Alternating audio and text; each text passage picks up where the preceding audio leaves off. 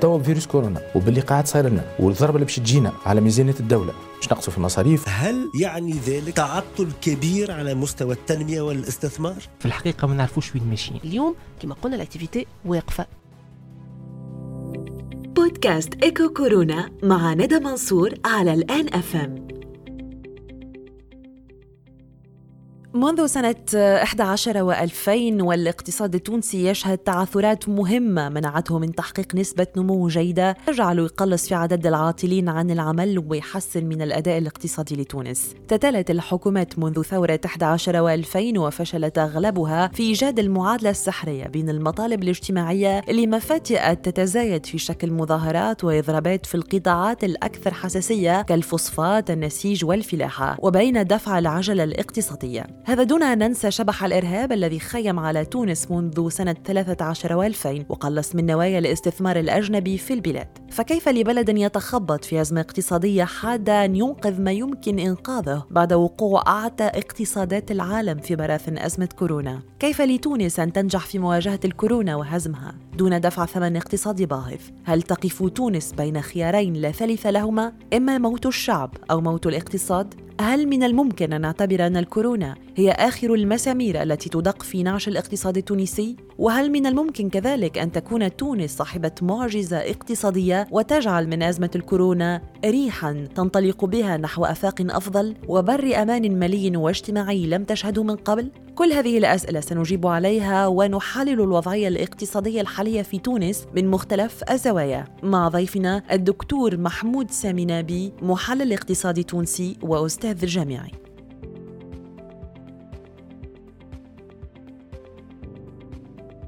تعد تونس حوالي 11 مليون و800 ألف نسمة وتنتمي إلى مجموعة البلدان ذات الدخل المتوسط الأدنى بمعدل سنوي للفرد يقدر ب 3744 دولار.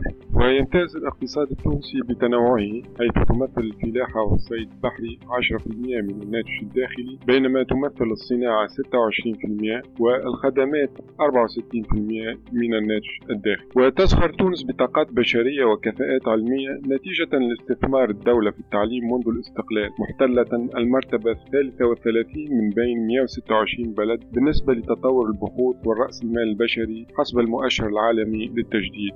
وفي سنة 2020 صنفت تونس 55 عالميا والثالثة في شمال إفريقيا والشرق الأوسط حسب مؤشر Bloomberg Innovation Index. ورغم وجود العديد من الشركات التونسية المجددة والمتألقة على النطاق العالمي في قطاعات عديدة كالصناعات الميكانيكية والكهربائية صناعة الأدوية والتكنولوجيات الحديثة إلا أن الاقتصاد التونسي بصفة عامة لم يتجدد بالسرعة المرجوة ولم يستفد بالقدر الكافي من القدرات البشرية والبحوث العلمية المتركزة خاصة في الجامعات والمخابر. وهذا الشيء يفسر تفاقم هجرة الأدمغة التونسية حيث أن 20% من حاملي الشهائد الجامعية التونسية يشتغلون في بلدان منظمة التعاون والتنمية الاقتصادية. وفيما يخص معدل النمو فإن الاقتصاد التونسي حقق من سنة 2000 إلى 2010 نسبة نمو بمعدل 4.5% غير أن هذه النسبة تراجعت منذ سنة 2011 فأصبح المعدل السنوي في حدود 1.7% وتعطل محرك الاستثمار أحد المحركات الأساسية للنمو فانخفضت نسبة الاستثمار من الناتج الداخلي من 24.6% سنة 2010 إلى حدود 18.5%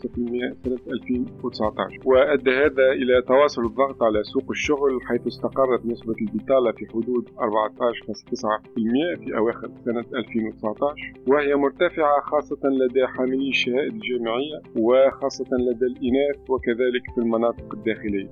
ولم يعد القطاع العام قادرا على توفير فرص عمل جديدة بعد أن ارتفع عدد الموظفين الحكوميين من 435 ألف تقريبا سنة 2010 إلى ما يناهز 785 ألف سنة 2018 وأدى ذلك إلى ارتفاع كتلة الأجور في الناتج الداخلي الخام من 11% سنة 2010 إلى 15% سنة 2018 من أسباب هذا التراجع الصدمات صدمات كثيرة تعرض إليها الاقتصاد التونسي خارجيا وداخليا منها الهجمات الإرهابية الحرب في ليبيا تراجع النمو في أوروبا أحد أهم الشركاء الرئيسيين لتونس في التبادل التجاري بالإضافة إلى عدم الاستقرار السياسي والاجتماعي وتدهور مناخ الأعمال تفاقم القطاع غير المنظم والتقدم البطيء في تحقيق الإصلاحات الاقتصادية الكبرى. وكذلك تراجع إنتاج قطاع الفوسفات الذي يعد أحد أهم القطاعات المصدرة والنقص المتراكم منذ سنة 2011 يقدر في هذا القطاع ب 6.7 مليار دولار. كل ذلك اقترن بصعوبات كبرى على الميزانية العمومية وتفاقم الدين العمومي بالإضافة إلى ضغوطات كبيرة على التوازنات الخارجية التي اقترنت بانزلاق سعر صرف دينار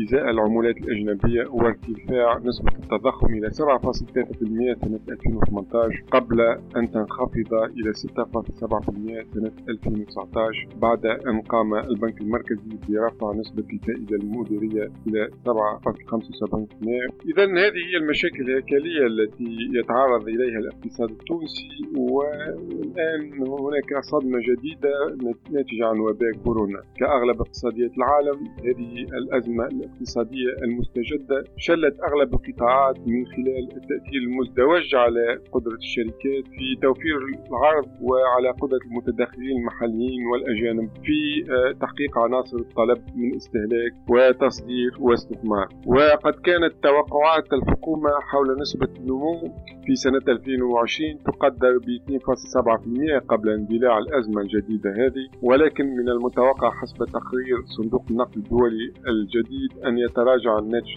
الداخلي الخام بنسبة 4.3% وتجدر الإشارة إلى أن آه، القطاعات التي تعرضت في البداية إلى هذه الأزمة كانت القطاعات التي تعتمد على التزود من المواد الأولية والمواد الوسيطة في الأسواق العالمية منها الصناعات الميكانيكية والكهربائية والإلكترونية وكذلك صناعة الأدوية وصناعة النسيج لكن شيئا فشيئا لما الأزمة آه، توسعت وشملت بلدان أخرى آه، اتسعت لقطاعات النقل الجوي والبحري والنزل والمطاعم وكذلك الشركات الناشطة في مجال الترفيه. ثم تعممت الأزمة إلى كافة القطاعات بدرجات متفاوتة آه، فيما عدا بعض القطاعات وذلك حسب التقدم في الإجراءات التي اتخذتها الحكومة والسلطات التونسية لتكريس التباعد الاجتماعي وبلغ ذلك ذروته في 22 مارس بتطبيق الحظر الصحي الشامل فأغلقت المعامل والشركات واضطرت الكثير منها إلى تسليح العمال في حين لجأت بعض القطاعات إلى العمل عن بعد والعمل لنصف الوقت لمن آه، تمكن من ذلك. ويبقى التأثير خاصة على الشركات الصغرى والمتوسطة والمتناهية الصغر والحرفيين والعاملين اليوميين في القطاع غير المنظم. وهنا لابد أن نشير أن الشركات الصغرى والمتناهية الصغر تمثل 95% من الشركات التونسية في القطاع الخاص وتوفر ما يقارب 720 ألف موطن شغل. وقد اتخذت السلطات التونسية إجراءات من أجل التقليل من الآثار السلبية للأزمة وخاصة على أصحاب الدخل المتدني والعائلات الفقيرة وكذلك من أجل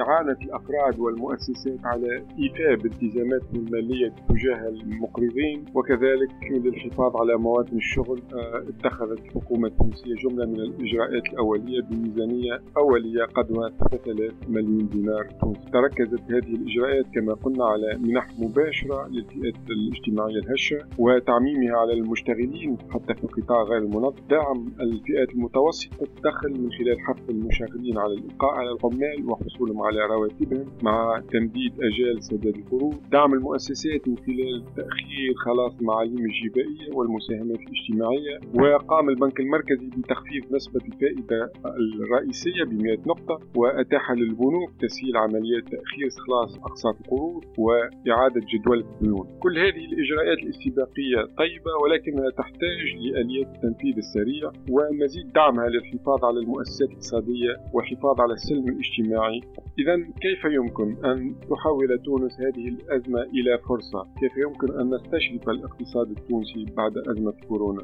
آه لابد من الإشارة أن هذه الأزمة الاقتصادية بينت جليا القدرات البشرية الكامنة في المجتمع التونسي في كثير من المجالات حيث تمت صياغة حلول مبتكرة عن طريق التطبيقات التكنولوجية والروبوات وعن طريق صناعة الكمامات وآلات التنفس الاصطناعي. كما مكنت في ظرف وجيز من تسريع جمع البيانات الخاصة بالفئات ذات الدخل الضعيف ومثلت فرصة لتجميع الجهود بين مختلف الإدارات وشركات الاتصال والبريد التونسي وعديد المتدخلين. ومكنتهم من العمل المشترك لاستنباط حلول سريعة لإيصال المساعدات وتزويد المواطنين بالمواد الاستهلاكية. رغم البطء في تحقيق الأهداف المنشودة وبعض الاختيارات الخاطئة وهذا غير متعجب لغياب الإطار المؤسساتي والحديث للتنسيق بين كل هؤلاء المتدخلين إلا أن المؤمل أن تعود هذه الأزمة إيجابا على الاقتصاد التونسي. وذلك في حال تسريع تحديثه واعتماد التكنولوجيات الحديثة في شتى القطاعات من أجل تقوية قدرة المؤسسات مؤسسة الدولة على التدخل الناجع والسريع في مثل هذه الأزمات وقدرة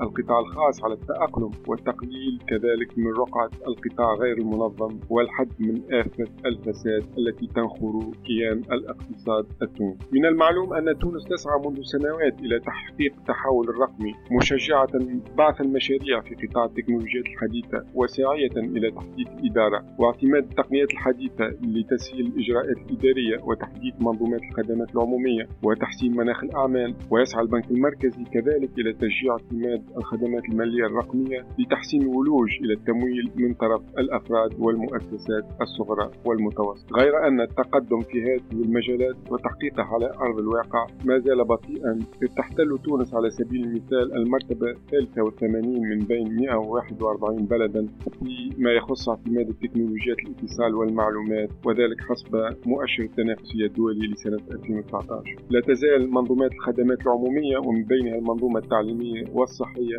والعدل والنقل العمومي وغيرها تشكو من مشاكل هيكلية أثرت على مردودها وفاقمت من التفاوتات الاجتماعية. إذا من المنتظر أن تتكاتف الجهود بعد هذه الأزمة من أجل المضي قدما للتسريع في تحديث هذه المنظومات وتطوير الخدمات المالية الرقمية عن طريق المنصات التكنولوجية وتحرير القدرات الكامنة للاقتصاد التضامني وإنجاز الإصلاحات الهيكلية وخاصة في مجال المؤسسات العمومية والصناديق الاجتماعية ومنظومة الدعم وكذلك الرفع من نسق الاستثمار في الطاقات البديلة. الأمل كل الأمل أن تمثل أزمة كورونا بداية تجميع الجهود الوطنية لتحقيق التنمية الاقتصادية المدمجة المعتمدة على المعرفة وعلى التضامن الاجتماعي. قرارات شجاعة لازم الحكومة والبنك المركزي التونسي إنهم ياخذوها. هذه واحدة من الخطوات اللازمة للتعامل مع الأزمة والحد من تشعباتها كما أكد الدكتور محمد سامي النابي. حزمة 3000 مليون دينار غير كافية للتقليص من تداعيات الأزمة ولكن هذه الأزمة ممكن إنها تتحول إلى فرصة لتونس إذا عرفت إنها تثمن المد التضامني الكبير اللي تخلق في الفترة الأخيرة وتستغل كسر الكورونا لكل الحواجز البيروقراطية اللي كانت تكبل الطاقات وخاصة الطاقات الشابة من غير ما ننساو إنه الكورونا كذلك هي بمثابة تأكيد لكافة الدول ومن بينها تونس إنه أسس نجاح أي بلاد واستقرارها الاقتصادي مرتبط ارتباط وثيق بالتعليم الصحة ومؤسسات حكومية ناجعة وقوية إضافة إلى تحرير الكورونا لكل الطاقات اللي حاولت في السنوات الأخيرة إنها تتواجد في الواقع الافتراضي والإلكتروني ولكن ثقل وبطء الإدارة التونسية منعها من هذا. اليوم القطاعات اللي تجاوب في انتظارات المواطنين كلها مرتبطة بالتجارة الإلكترونية والعمل عن بعد. كنت معكم ندى منصور في بودكاست إيكو كورونا. الحلقة القادمة موضوعنا باش يكون أزمة كورونا والتجارة الإلكترونية. هل ستكون هذه الأخيرة المنقذ الأبرز للاقتصاد العالمي؟ هذا اللي باش نكتشفوه في الحلقة القادمة. على أمل اللقاء بكم ردوا بالكم على رواحكم وخليكم في المنزل.